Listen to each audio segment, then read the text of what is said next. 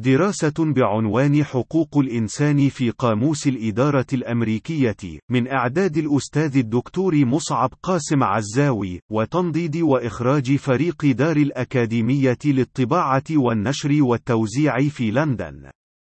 تضمن تقرير نادر لوكالة رويترز صدر في الثاني من يونيو من العام الجاري، توصيفا مكثفا ومنقطع النظير لممارسات التعذيب في السجون الأمريكية للمتهم ماجد خان في سجون وكالة الاستخبارات الأمريكية على الأراضي الأمريكية نفسها، وفي معتقل غوانتنامو لأكثر من عشر سنوات، تضمن التقرير تفاصيل مهولة وموثقة في أرشيف المخابرات الأمريكية ومتطابقة مع إفادة المتهم لمحاميه تضمنت الإطعام المتكرر عن طريق الشرج عن و بتحضير وجبة الإطعام الشرجي المؤلفة من المعكرونة والحمص والصلصة والمكسرات والزبيب وزرقها في شرج المتهم حسب ما ورد حرفيا في المراسلات الداخلية للمخابرات. المخابرات الأمريكية، على الرغم من أن التحقيقات اللاحقة تؤكد على تعاون المتهم ماجد خان الكامل وعدم وجود حاجة تقنية لما تم توصيفه من قبل محامي خان بالاغتصاب المتكرر لموكله. هذا عدا عن عدم وجود أي سبب طبي يبرر تلك الممارسات الخطيرة التي قد تؤدي إلى انثقاب الأمعاء الغليظة ووفاة المتهم بسبب الإطعام المتكرر عن طريق الشرج.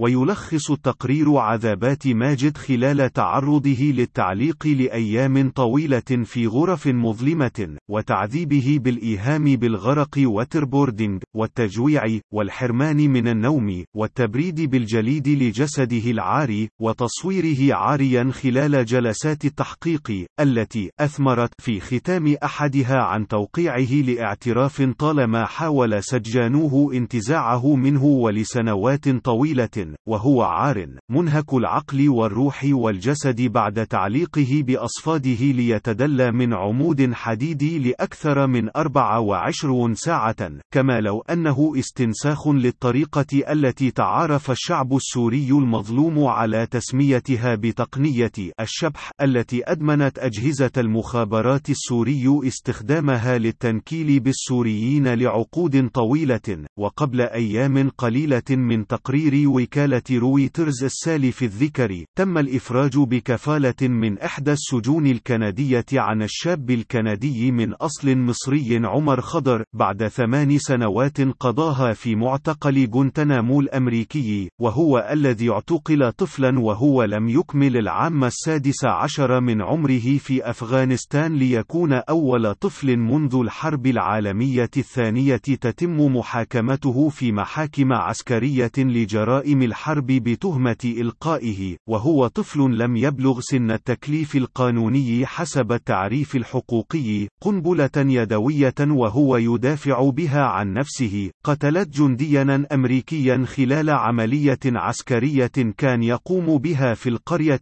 التي كان يقيم بها الطفل عمر خضر في العام 2002 وتبين الوقائع بأن الطفل عمر خضر كان جريحا عقب اعتقال القوات الأمريكية له، ولم يكن قادرا على الجلوس منتصبا في جلسات التحقيق، لذا كان يتم التحقيق معه وفق طريقة التعليق بالسلاسل سواء على كرسيه أو من سقف غرفة التحقيق،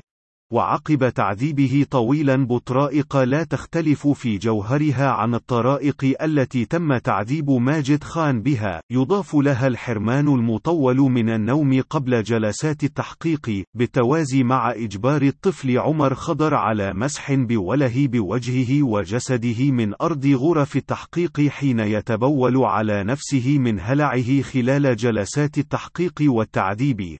وكما هو الحال في كل معتقلات طغاة العرب، اعترف الطفل خضر بجريمته وفق السيناريو والإخراج الذي أراده جلادوه، في عرف الدستور والقانون الأمريكيين، كما هو الحال في القانون الدولي والشرعة الدولية لحقوق الإنسان، يعتبر المتهم بريئا حتى تثبت إدانته، وإن التعذيب أداة غير شرعية، وكل ما تم الحصول عليه عن طريقها هو كذلك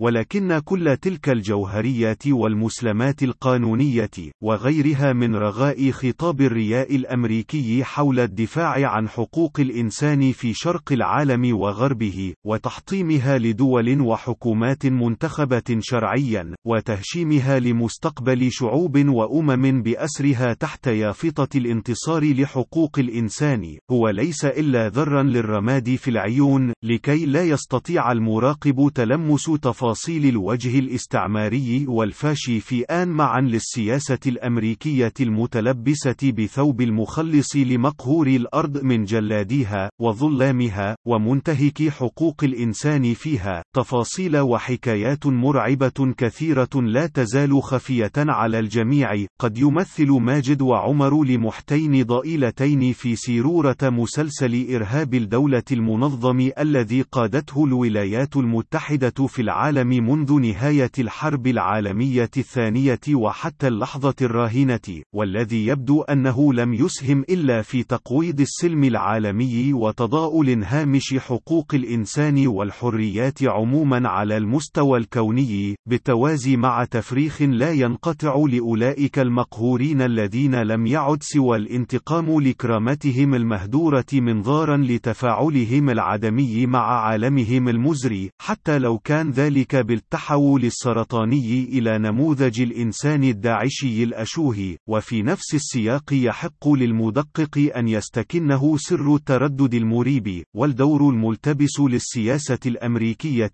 المنافحة عن حقوق الإنسان دائما في المنطقة العربية سواء في تعطيل تمكن السوريين مهيد الجناح من التخلص من جلادهم الأول بأيديهم الذي كان قاب قوسين أو أدنى وفي غير مرة من تاريخ جلجلة الثورة السورية، وحجب كل ما يمكن العراقيين المكلومين من الدفاع عن حيواتهم وأرضهم وكيان العراق السياسي في وجه الطوفان الداعشي، وتورية كل فظائع وفواجع الاحتلال للفلسطينيين المظلومين دهرا بأنه دفاع مشروع عن النفس، وإطلاق يد العسكر للتغول من جديد باسم الحرية والديمقراطية وحقوق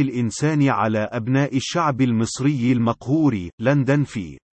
الخامس عشر من جماد الثاني 2015